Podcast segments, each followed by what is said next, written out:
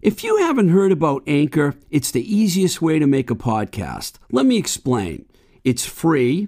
There are creation tools that allow you to record and edit your podcast right from your phone or home computer. Anchor will distribute your podcast for you so it can be heard on Spotify, Apple Podcast, and many more. You can make money from your podcast with no minimum listenership. It's everything you need to make a podcast in one place. Download the free Anchor app or go to anchor.fm to get started.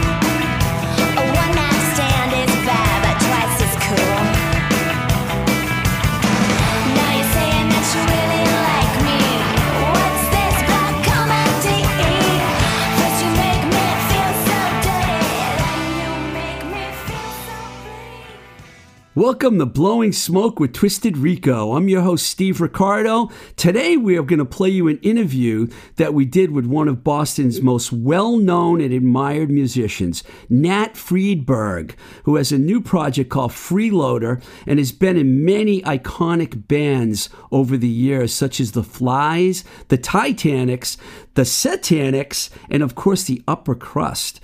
So, uh, before we play you that interview with Nat, I'm going to play you a song from the uh, first Freeloader album. Uh, this one, I love this song, man. I, I played this on my radio, my short lived radio show, and I would play it again if I had another radio show. It's called 10 Songs Make an Album.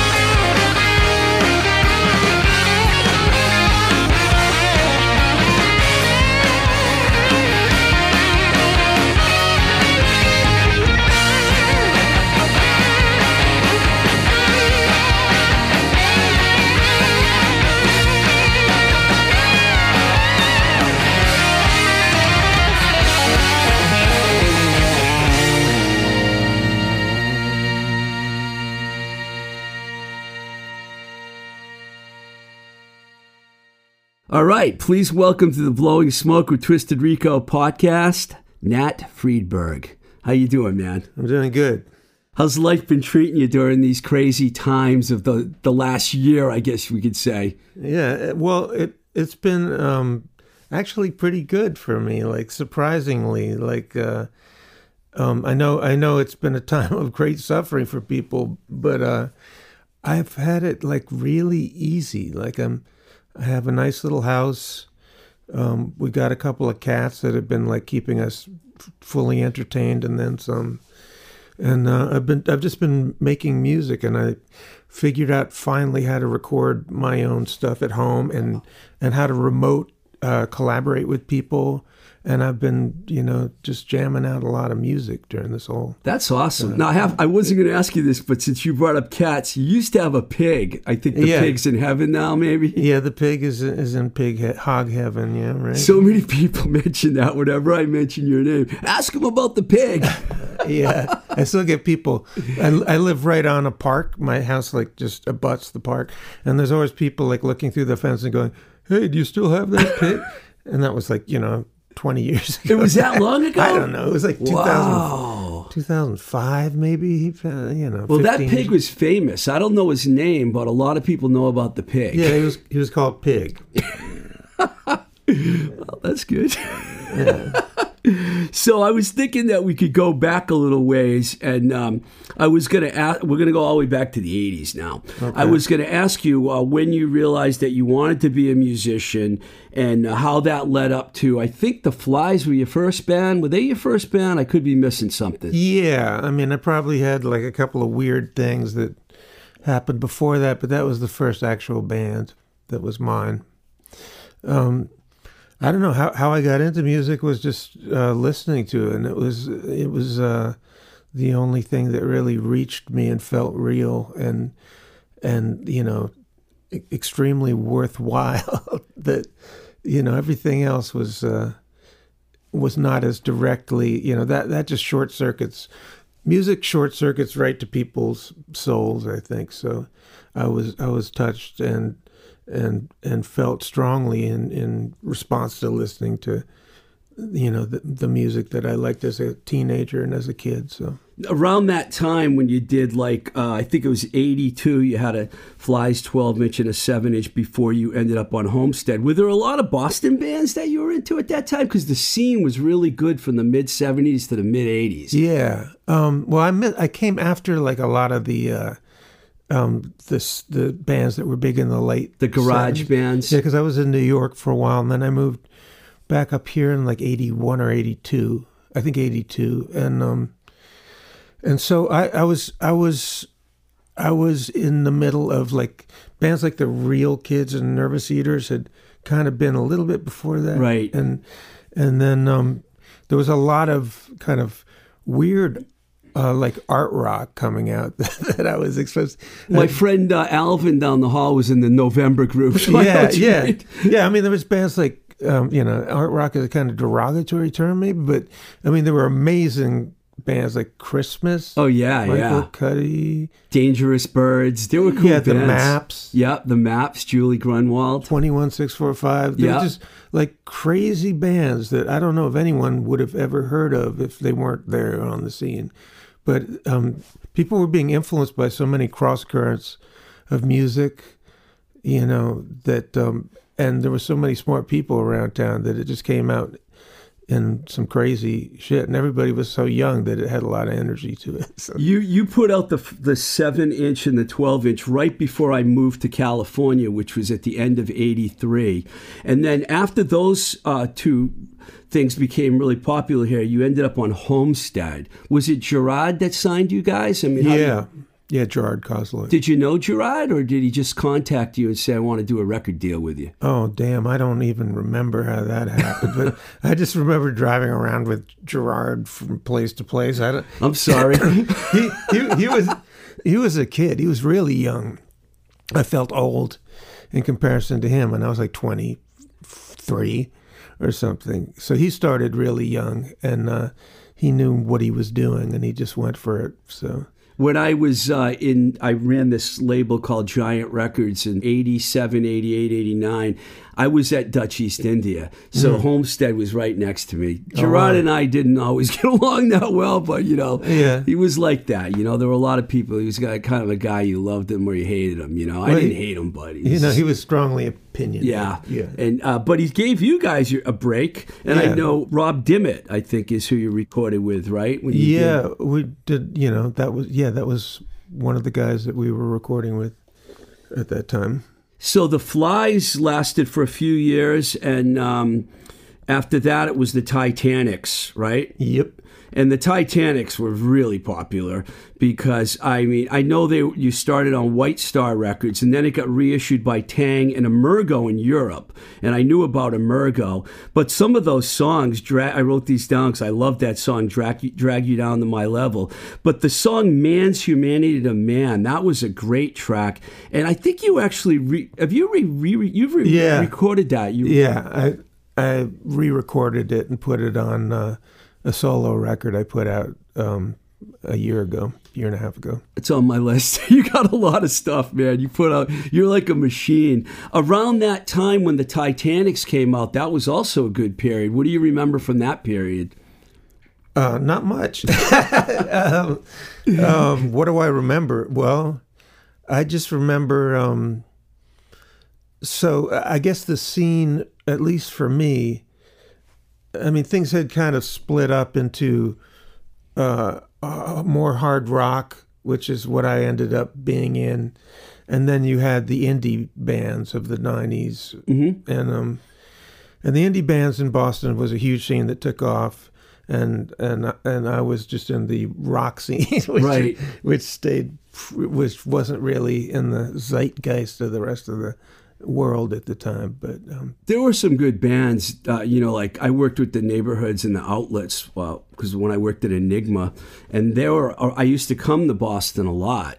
And I'm sure you, you probably hung out at the Rat a lot. Yeah. Yeah, because that was the place you would go to when you came to town, and you'd go just go sit at the Hoodoo Barbecue there, and it'd be like people, hey, that guy, that guy, you know, all these people from bands. It was such a great time, man. Do you do you miss it when it was like that, or do you think that all these other things that have happened since then, it doesn't really matter? Well, I mean, it was great, and uh, everybody who was there f- fondly remembers it because you're right. There was an incredible energy going in Boston at that time, and it was very localized, you know, and it it it centered around, you know, it was particularly intense at places like the the Rat and the Hoodoo and other places, you know, were just and it's like scenes are like that. I think throughout history, like huge, massive art art movements can be localized to very small places, like you know Florence during the Renaissance. There was a couple of guys around during a you know a sh- relatively brief span who created something that was big and you know like the early British blues rock Oh yeah, thing, Clapton John and Mayall and Page them. and Yeah. and and and Beck. They I all knew Jeff each Beck. other. They all came Yeah. from like you know within a forty mile radius of of the London suburbs, and you know that that's the way things are. Just scenes that get big, or actually, if you were to go back there, there was a few people in a relatively small area doing it. Did you like? Uh, w- were there a lot of bands that you guys would play with a lot, and you'd like, like, did you ever take a band to New York with you, or do things like that? Or I know you did that with the Upper Crust, but what about that far back? Wow. Um, I can't remember. I mean, the the one band that really pops out at me is the Bags. Oh yeah, yeah. Well, you, you stole their drummer. Yeah, well, they were already done, I guess. no, they yeah they ended, and then we we were fortunate enough to land Jim, Jim, Janota, yeah. who's like the the the rock drum god of Boston. still is. Yeah, but um, and uh, I mean they were amazing, and they were also just playing hard rock, and it was uh, you know, but with a slight tongue in cheek thing, you know, but Rockstar album was but they great. but they meant it, you know. It was like so hard and so enjoyable, but also kind of like cool because you knew they had a sense of the irony of playing that kind of music at that point in time. Now the Satanics, that was like basically the Titanics. It was. It's the same band. But I listened to some of that stuff and it's Satan heavy. I don't know how else to describe it. Really hard ro- rocking, you know? Yeah, well, the, that was a concept thing, and so we we just made a record, you know, with the Titanics in, in the studio, and we just recorded the the batch of songs that had come out with that theme. It was it was a you know it was a it was a joke rock band, It got popular around here. I mean, I wasn't living here, but a couple people wrote me the minute I have been publicizing this show. Ask them about the Satanics. You know, more people ask me about that band this week. It's isn't that? Do you find that unusual or? yeah, I don't I don't I didn't know that that many people. The knew, ba- it's on about it. Bandcamp, so you know people probably Yeah. Oh, I put I put it on Bandcamp. put it up? Yeah. Yeah. I actually when when I uh, you know discovered Bandcamp, I thought it was a good place to kind of archive all my old recordings before I threw out all the old you know tapes. So you know everything got digitized, and I went through it and and put it all on Bandcamp. And then I recently realized that Bandcamp was a good place to Oh yeah, put your your contemporary music as you made it, and it's a great uh, platform. So I've just been uh, releasing my stuff on Bandcamp. Yeah. I think I love Bandcamp. I actually find a lot of bands there, and if I need stuff, you can buy a song for a dollar. I mean, it's like Yeah. really, really, uh, it's a great thing. I asked you about the Clam Diggers, Yeah. and you said it was guys from Mente. Yeah, it was Ted Widmer and Mark Mazzarelli from Mente, and um, Were they both in the first incarnation of the Upper Crust? yep, That's what I thought. yeah. So it was them and Janota, and I think the Bags were still going at that time, but it was a kind of side joke project they had in in uh, and and then uh, me and and Dave Fredette Yeah, Dave. from the Titanic Satanics um, joined up, and it became the Clam Diggers, and we started. Uh, you know, it was it was Ted and Maz's idea, and it was supposed to be kind of. It's always been really hard to explain, but it was like uh, it was like New England surf rock with, with a. I think the description in the band listing said. Uh, New England surf rock with a nod to Satanism. So- there are recordings of the Clam Diggers on the Bandcamp also. Uh, yep. I didn't. I didn't find those. I gotta check those out. We didn't record like everything we did, but there were some recordings, and I put them up there. Wow. So one thing I've noticed from just what we're t- just going ahead here too is you found guys and you played with some of these guys for a long time. Like Yeah. Janota, you've been with him for many projects. Yeah. Well, there's you know once you play with someone like Janota, You don't want to uh, lose there's, him. there's- you're not going to find an alternative that's better for for playing rock and roll. I think a lot of people have recruited him over the years because he's ended up in a lot of different bands over the years too. While he's been doing the upper crust and stuff. Yeah. Um, so I- don't know. You've probably talked about this before and uh, probably a million times, but I still have to ask you: Who came up with the concept and the idea for the upper crust? Because it was so cool. it just took everyone completely by surprise. I think uh, we when we were doing a rehearsal for the Clam Diggers, we were all walking down the stairs into the practice space in my basement, and I think Janota probably said something like, "What if there was a band of like all rich guys who decided to rock?" and uh, it just kind of grew from that, and it eventually.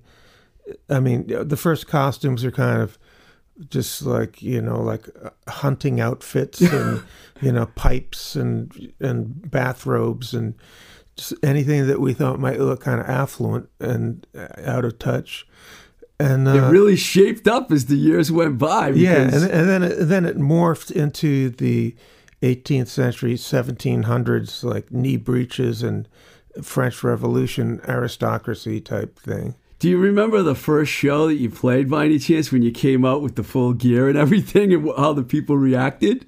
Uh, well i don't remember what the first uh, well, probably be a 94 maybe, something like that? Yeah, I mean, we that's when we started. Um, we, we we were playing at like the Green Street Grill in Oh, yeah. Cambridge, Yeah. And um, Was Lily booking it when you yep, played? Yeah. Lily Dennison. was right. I love it. Lily. Yep.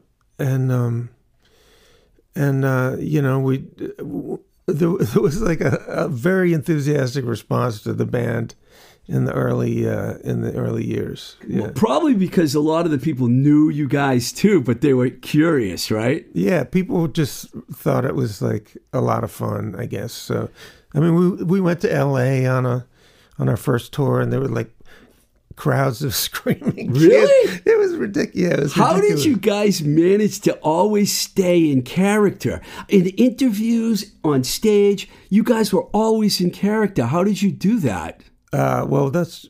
I mean, we just figured that that's what we had to do, but it, wa- it wasn't easy, and we didn't do it that well all the time. The accents were pretty good, though. I think. Yeah, yeah, they changed, you know. Uh, I know there was a I'm not, there was a bunch of records and a bunch of like you guys were with Emperor Norton, Reptilian, Upstart, lots of success. The two TV appearances I have to mention because I watched them both again. The one in Conan. You guys were great, but how in the world was it when you came out and sat with Conan and Larry Holmes is on stage with you? yeah, um, yeah, it was it was it was kind of mind blowing, but you know, everyone was so cool that Conan loved you guys. Yeah, yeah. Well, he, I think he knew Ted um, from uh, from Harvard, from the Harvard Lampoon. I think they were both on the on the uh, staff of the Harvard Lampoon Oh. for a while or something, and so there was a connection there. So we got. Uh, you know, the old boy network got us Yeah. onto TV. I think was pre- pretty much what happened. I, I actually pr- I like the Craig Ferguson appearance more than the Conan the lot the playing part. Oh, yeah. It was like really, both of them were great. But what did people come to the sh- those shows? I was curious because you guys were there, or did you play in front of an audience that you didn't really know what was going to happen? Yeah, that that was just a studio audience. I don't think uh, I don't think we had it had it stocked with fans.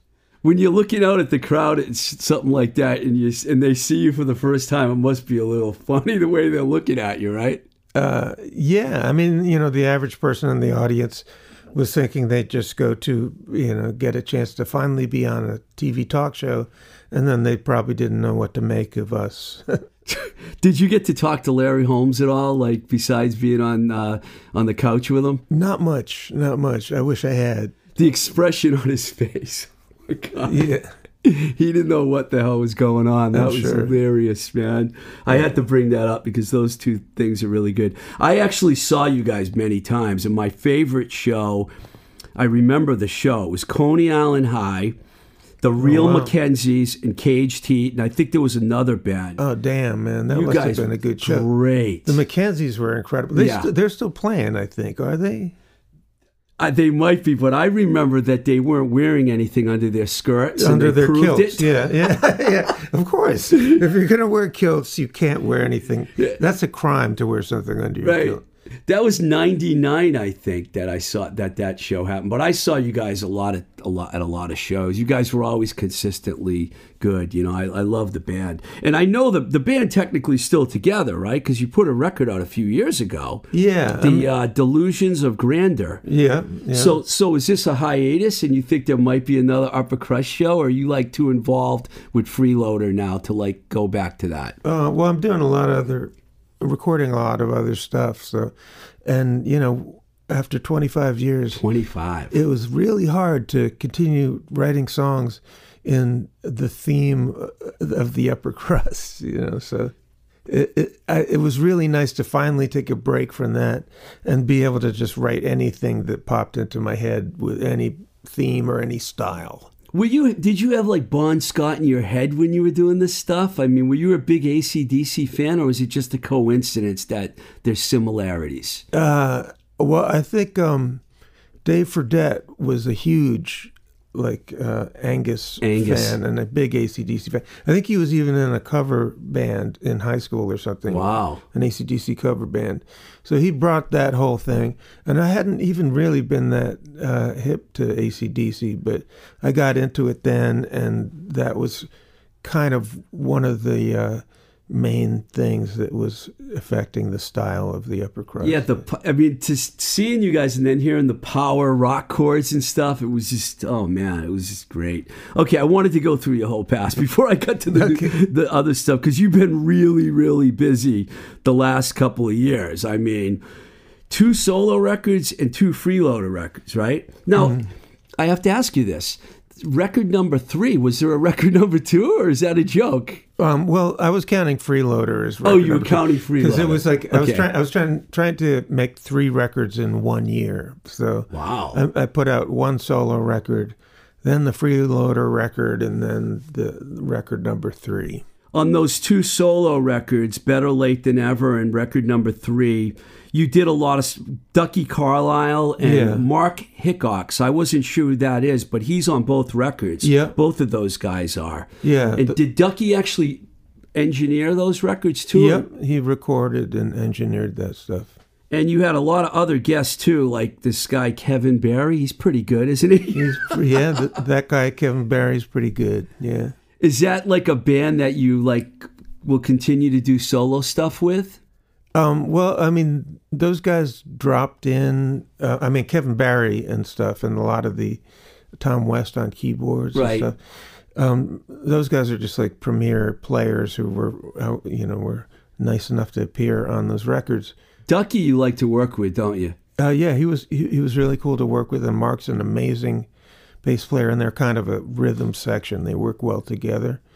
So, um, um, me and Ducky and Mark played a lot of shows with Chris Blue on on Oh, yeah. guitar. Um, we, we we played a bunch of shows for a while there before the pandemic, and we were kind of going under the name No Brainer, but I Oh yeah, I, re- I heard that. Yeah, Yeah, I don't. You know, it was never really official. So yeah. You went in a little stylistic change there. I kind of hear a little bit of my, maybe like Son Volt, like alt country kind of style with the solo records. Was that intentional, or did it just come out that way? uh, I guess it just kind of came out that way. I didn't intend it, but I actually just listened to the rec- to record number three in the car like yesterday, and I was like, "Wow, this stuff is like uh, really, you know, a lot of slow songs, a lot of." It was different for you. It was really different, and um, and uh, you know, it's, it's not like a good time record, but uh, and there's probably too many slow songs. Listening to it now, jammed together on one record, but if you listen to each song individually, I think they're really good and they sound great. Yeah, these records are fantastic for people out there listening. I highly recommend them. You can find them on Bandcamp. Uh, just to mention the titles of the two solo ones again Better Late Than Ever and record number three. Now, the two freeloader records. I fell in love with the Path of Least uh, Resistance, and I actually played. Um, I always get the title wrong. I always get the title of the song wrong because I want to add the two to it. Ten songs make an album. Yeah. I played that before you came out, and I just think that song is brilliant. Now, I, I can't remember if I asked you or not, but did you have nine songs and then all of a sudden you needed a tenth song? Yeah, yeah. We wanted to make a record, and that that record was kind it kind of came together as it was being made. So, um, you know, and then we had nine songs, and like, well, this could be a full album if we had one more song.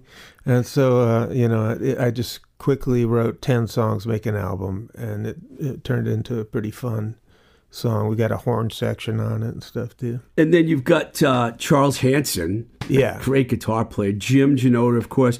Jim Haggerty.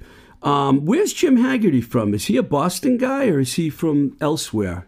I think Jim comes from upstate New York originally, but I would have to check. This is a great band, by the way. yeah, but he's just like you know he's uh, he's in he plays with a bunch of people here in town, and um, we're just lucky enough. He plays with Charles and Jim in the Handymen. Oh, okay. You know, have you Right. ever have you ever seen them? No, I have not seen Oh, you them. gotta you gotta check out the Handyman. Good band? Yeah, it's just so funny. Like Charles just comes up with a list of, of like 20, 24 songs or something that Cover songs? yeah that he remembers from his childhood and and uh, and then you know just sends them out to the to all those guys and those guys are good really good players Yeah. so they quickly learn them I think they might rehearse once or something and then they they play the show so there's like inevitably like fuck ups which just makes it funnier but they're so good that they nail some of these songs just the sounds of uh of songs you remember, like one hit wonders off the radio in the 70s and shit.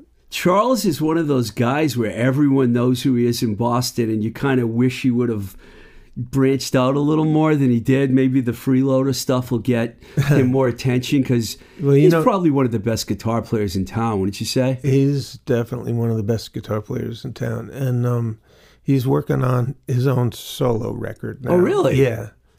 So, like, as we're we're we're kind of making this freeloader, the new freeloader record, we're kind of making it one at a time. Like, Yeah. we recorded all the drums at Peter Moore's studio in Medford, um, and Peter Moore plays in the Handyman too. Yes. He's like the keyboard player, and um, and so we had all the drums done, and then I've been recording my guitars and vocals, sending them to Jim Haggerty to do his bass, and then you know rough mixing that, sending it to Charles to do his. And this is the whole remote collaboration thing that has has. I can't believe happening. you guys can, can can do this, man. Yeah, well, that's how kind of you know necessity is the mother of invention. The the pandemic is making people realize that you know a lot of shit can get done in in ways that traditionally it wasn't getting done. So we're kind of getting the hang of it, and it kind of you know the end result sounds like Oh, we all went in the studio and made it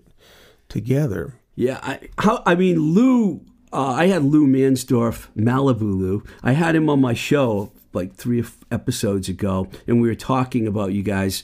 So did you? How did you? How did you get hooked up with Lou? Because it started with the solo record, and then now you're on Rumbar Records with both projects, pretty Yeah. much, right?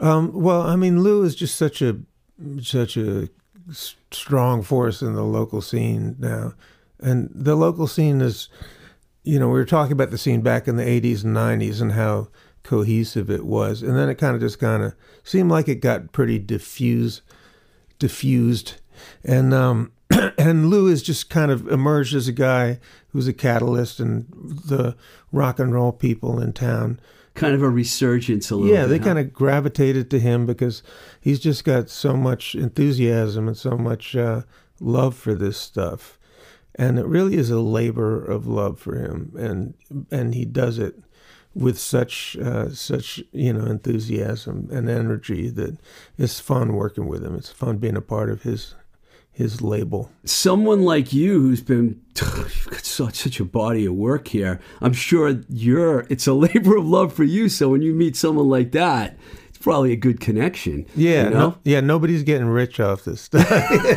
you know. yeah i know lou's i I, I give lou credit he just sent me a box a few weeks ago and there was like 50 cds in it Yeah. and a bunch of albums and i was like how in the world was he able to release all that stuff I know. I it's, mean- it's crazy. It's crazy, but he, does it. his short run attitude, I think, is good because I think be, in the past, that I'm guilty of this too, you'd want to press him. You'd have to press a thousand. You know, you'd be, I gotta press Yeah. a thousand, and then if you sell six hundred, you're like happy. But what do you, what about the other four hundred? You know? Yeah, well, I've got you know boxes and boxes because I, I hadn't uh, Digital, I, I of didn't digital. I didn't realize you know that you don't sell CDs except for at shows, really. Yeah, digital kind of is what destroyed it, really. I remember around 99 when Napster came out and digital came out, and everyone kind of thought it was a joke, but it really did kind of ruin everything if you think about it, right? Well, it was a, it was definitely a revolution in how things were done. Yeah. I mean, we're happy with Bandcamp and everything now, and we're praising it, but wouldn't it be nice if there was like a record store at every corner like there used to be, you know? Well, I mean, you still a lot of record stores. They're just not new record stores. They're just all you know, vintage vinyl stores. Did you would you say that your sales have been affected uh, over the years because of the change to digital?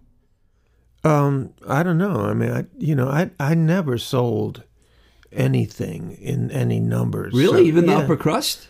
I don't believe so. Or, or if I, if we did, no one told me about it. You know, they, they falsified the numbers and s- sent me small checks. I was going to ask you about this because you've been on so many labels, man. I come from labels myself, you know, and uh, I was just curious out of all these labels on here. I mean, which ones did you like working for, and which ones did you did you think it was going to be better? Like Emperor Norton probably was the biggest one. Yeah, I mean that was just an uh, you know independent record that had some uh, some capital, and they they uh, you know they liked the upper crust, and they had a lot of enthusiasm for the band, so that was cool. And T- Taang re-released the Titanic. Did that Curtis just come up to you and say, "I want to re-release it," or Uh, no, you know, I think that happened as a result of, I think CDs were like, oh, I think it was re- released originally on vinyl. Yeah. And then it was like, well, geez, I guess we got to make a CD, one of these CDs. And, that- and, and Curtis was there. Oh, so it never came. Oh, yeah, of course it didn't. yeah. Oh, So, so it's like, well, let's, let's try doing one of these CDs things with Curtis. I think I have a cassette actually the Titanics there was- too. We, yeah. we, we made cassettes and we made vinyl and, and then, you know, CDs were so new and, and unfamiliar that we left it up to Curtis. and he and I think part of his Roadrunner deal is how you guys ended up on Emergo records in Europe, right? Yeah, I'm sure. Has that been good? Have you noticed anything from Europe from the release? No. I love your honesty. Yeah. oh man. So um uh do you I mean do you hope to like start playing out again? I mean on and I know it, I I hate to use the word normal cuz I don't think if anything's ever going to be normal again. Yeah. But if it does get to that, what are your intentions? Well, I'd, uh, you know, I'd I'd love to be playing again. Um, it's like the the whole pandemic. I've kind of been really comfortable. Just I'm really busy writing songs, recording them, and stuff, and f- trying to figure out the technology of recording and getting a little better at that. And um, so I haven't missed live shows as much as probably a lot of other people have. But uh, I kind of started to cut down the amount of shows that I went to because I started in the early '80s and I'm a Yeah. little burnt out now. So. Yeah, I mean that's that's the thing. It's like you know everyone's going, "Geez, I I, I miss live shows and clubs and bars," and I'm like, "Well, yeah, like I'm 61 years old. I've you know I don't drink anymore. Uh, that sounds really familiar, actually. and and it's like, do I really want? You know, it was always a matter of like, well, when should I show up? You know, I don't. I w- and then you want to miss all the bands except for except for the one you want to see, and then you know when you're. Hope they go in first. And then, uh, yeah, yeah. Remember you everyone- hope they go on really early because you're old and you want to get home and go to bed. I know. Remember, everyone used to want that Hollywood slot. They wanted to play late. Yeah. Now all the bands Oh, want to go on early. Then yeah, yeah, and it was like, yeah, it used to be called the New York headliner when when you'd play in the middle and have bands Three out of four. Yeah. Yeah, like it's CBGBs. Like there'd be like other bands that went on after you for for the cleanup, you know, just to keep the bar open. Do you think that we're, we're we're close to ending a whole era pretty soon because a lot of us are around the same age and like you go see the Lyres like that was the last show I saw Mm-hmm. was the Lyres at the Middle East January of last year and there was no one under 40 there. I mean it was like all Yeah. don't you think that crowd's going to eventually be gone? Well, obviously, yeah. I mean, you know, people. The real rock people, I mean, you know. yeah, like I, you know, my Facebook page obviously skews toward older rockers, and um, you know, it's it's almost like an obituary page sometimes. Like people are dropping now, and uh, Do you think the young people are going to pick up Pet, get the torch and continue with the rock? Uh, probably not because they Yeah. didn't grow up with this this stuff. You know, we we grew up with it, so it's a part of us. And um, you know, everybody who was who wasn't on these scenes originally back in the day are still going to these shows and watching the people that they still love that are still around making music. We've lost a few, unfortunately. Yeah, but um, it's it's not going to last you know too much longer because everyone's going to die. Sorry. No, well, it's it's it's true. I mean, why Yeah. sugarcoat it? You know. Right. Um, now, right now, I think you guys are doing this thing where a single's coming out like maybe every Thursday or every other Thursday. I'm gonna play um, when we're done. Give me what's left of your love. What a fucking great song, by the way. Oh, you like that Oh, one? I love it, man. Uh, Lou had sent that to me before he released it to check it out. He Uh-huh. kind of like said, "You think that you would have Nat on your show?" And I'm like, you think he'd do the show?" And I was like, "Fuck yeah!" But then I heard that song, and I was like, "Whew." I mean, I loved the first record, Freeloader. and Now it seems like you're even taking it to another level. Well, the the original concept for this was I, I don't know. I, I had this idea um, that I should make a record of of like early hard rock style songs, like when hard rock was just getting started and it had a lot of uh, energy, but and it was this combination of like you know epic you know beauty and energy and vulgarity and and sleaziness and and like you know like a song like all right now by Free, yeah. which is basically if you listen to the words it's about picking up someone on the street and going home with them you know which actually you know probably happened frequently in the early 70s you know if you were a rock star you'd be driving down the street you'd wave at somebody they'd get in the car and you go but you know that it's like that kind of thing is so foreign to the world we live in today Yeah, we don't need intelligent songs. We need the Yeah. dumb songs. yeah so but i but i still love it i, I absolutely love it just like this kind of you know really uh just primal energy that is totally politically incorrect Was Free like one of the bands that influenced you um when you were like this from the 70s? Uh, well i mean obviously that they were amazing yeah Did you like Humble Pie and other bands like that as well?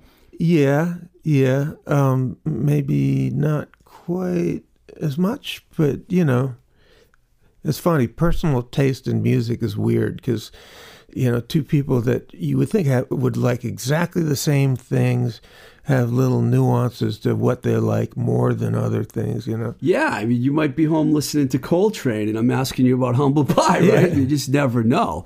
Well, I mean, was there? I mean, when you were young, was there a band that came along and you said, "I want to do that"? well probably the thing that blew me out of the water was jimi hendrix Hendrix. Yeah, because I was just a a kid in this you know weird little world, and then just boom, it just comes, it just punches a hole in your consciousness and just goes right to the, to your you know animal brain and and emotions, and it's like it's being hot wired to something you didn't even know existed. So yeah. yeah. Well, thank you, man, for coming on the show. I think we covered a lot. Yeah. Is there anything that you want to mention that I may not have mentioned? Because I'll give you that opportunity. I tried to cover everything, but you know it's hard with someone like you. you got so much stuff. Well, I mean, we're, yeah, we're just going to be doing the freeloader record as we finish each song coming out. We're going to put them out like every two weeks. Two weeks. Uh, yeah, e- every other week on. Uh, That'll extend the project. That's a good idea. Was that Yeah. Lou's idea or was that your idea? uh, you know, that was how how we talked it out. Yeah, um, I mean, we'll put out like maybe eight singles like that, and then put out the whole uh, the whole thing. And what happens if you need a tenth song? we already got it. We got Oh, good. We got thirteen. we got thirteen. So we're gonna have to probably pair a couple off the uh, the album. Yeah. Well, cool, man. Thank you for coming down. Thank you. And I Thank appreciate you for having be- me. Yeah, I appreciate you being here, and I wish you nothing but the best of luck in the future. All Man. right. Thank you, Steve. All right. Thanks.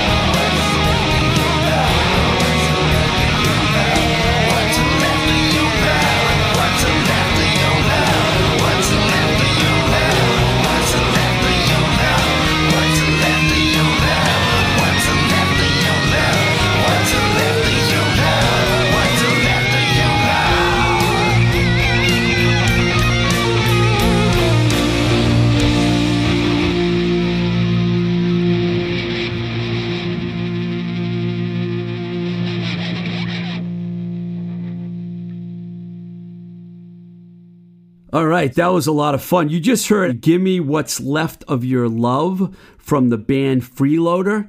Uh, Nat Freedberg, what a cool dude to have in here for an interview. And I threw a lot at him. and he, he, he came back to me with all of it and answered everything. And when you have that many projects and you've written that many songs and you've played with that many people, it's like amazing that he was able to like remember half the stuff that I was asking him. But he did. And he's been a very influential, he's played a very influential role in the Boston rock music scene. Not just Boston, because I saw the upper crust, as I mentioned in the interview, down in New York. And it was really one of the best shows I ever saw. It was at Coney Island High. And I also saw them in Jersey and Philly because when I was working with Cage Teat, way back when Cage Teat actually went on a mini tour with them. So I got to see a bunch of shows. I was doing merch on that tour, and um, that's a lot of fun seeing the upper crust every night for like three or four nights in a row. How many times have I told you about Baby Loves Tacos? They're like the best thing to come out of Pittsburgh since Willie Stargell and Andy Warhol. Damn it, they're even up there with Bruno Sammartino. and you know, I love the people that work there. Zach and John and all those cool cats. And you know, I, I like to mention them, and the fact that they want to sponsor my show makes me extremely happy because they have two outstanding locations in the Pittsburgh area that you can visit. The original hot spot in Bloomfield, and their second location in Millvale, which is this little sleepy area right over the 40th Street Bridge. uh, Bridge, excuse me. When I went to Millvale when I was living in Pittsburgh, it reminded me kind of like of the Twilight Zone when you went over there, but like Lawrenceville, which is on the other side of the bridge in Pittsburgh, is becoming a really hip area. I mean, there's a great record store there, the Attic, and there's a bunch of cool breweries and places to eat, and now Baby Loves Tacos. Not now, it's been about a year, but it's still their newer location. So it doesn't get much better than Baby Loves Tacos. And as they say, Baby Loves Tacos, where everybody eats. All right. You can support this show on our Patreon page, which is patreon.com forward slash twisted rico. If you want to reach out to me, I love getting messages from you at twistedrico at gmail.com. We've got two Instagram pages. One is called at blowing smoke with TR. The other is just the other is just at twisted rico. There's a Facebook page, there's a Twitter page. There might even be a Tumblr page if Tumblr's still there. There would have been a MySpace page, but I don't. I think MySpace is. Maybe I don't have a page on MySpace. I'll have to look into that. Not really. Uh, anyway, um, we've got some other really cool guests coming up in weeks to come. Uh, if I can remember them off the top of my head, Curtis Casella from Taang Records is coming back for round two. Probably going to ask him about the Titanic, who we mentioned in this show, because we didn't get to talk about them last time, and some of the other bands that have done reissues on Taang, like SSD and Jerry's Kids and DYS. A lot of great Boston hardcore bands ended up getting their stuff reissued on Taang, so we'll talk about that. Reverend Hank Pierce is coming back to the show. Reverend Hank did a show with us many moons ago when we were recording down the hall at the other podcast space before I moved in here. And Hank is like a big fan of the show, and he's always got interesting things to talk about. So I asked him to come back on. So he'll be back on. And then I'm really excited about this guest that's coming in a few weeks Margaret Garrett of Mr. Airplane Man. That's a good one. They're all good ones. But Margaret, I've always loved her music and her playing. She's got she knows how to do the punkified blues as well as anyone that's ever existed. And I'm going to even bring up when she used to work at 1369 in Inman Square, where I used to go get my iced teas and extra lemons in the early 90s when I moved back to Boston because I uh, they're in Inman Square and I used to hang out there. I loved it down there. So we got a lot of cool stuff planned for you for the future. And you know, I haven't been mentioning this, but we have a YouTube page, Blowing Smoke with Twisted Rico YouTube. Uh, excuse me, with Blowing Smoke with Twisted Rico, the YouTube page. You can Go there and subscribe, and I would love you if you did because I'm going to start putting some more interesting things up there.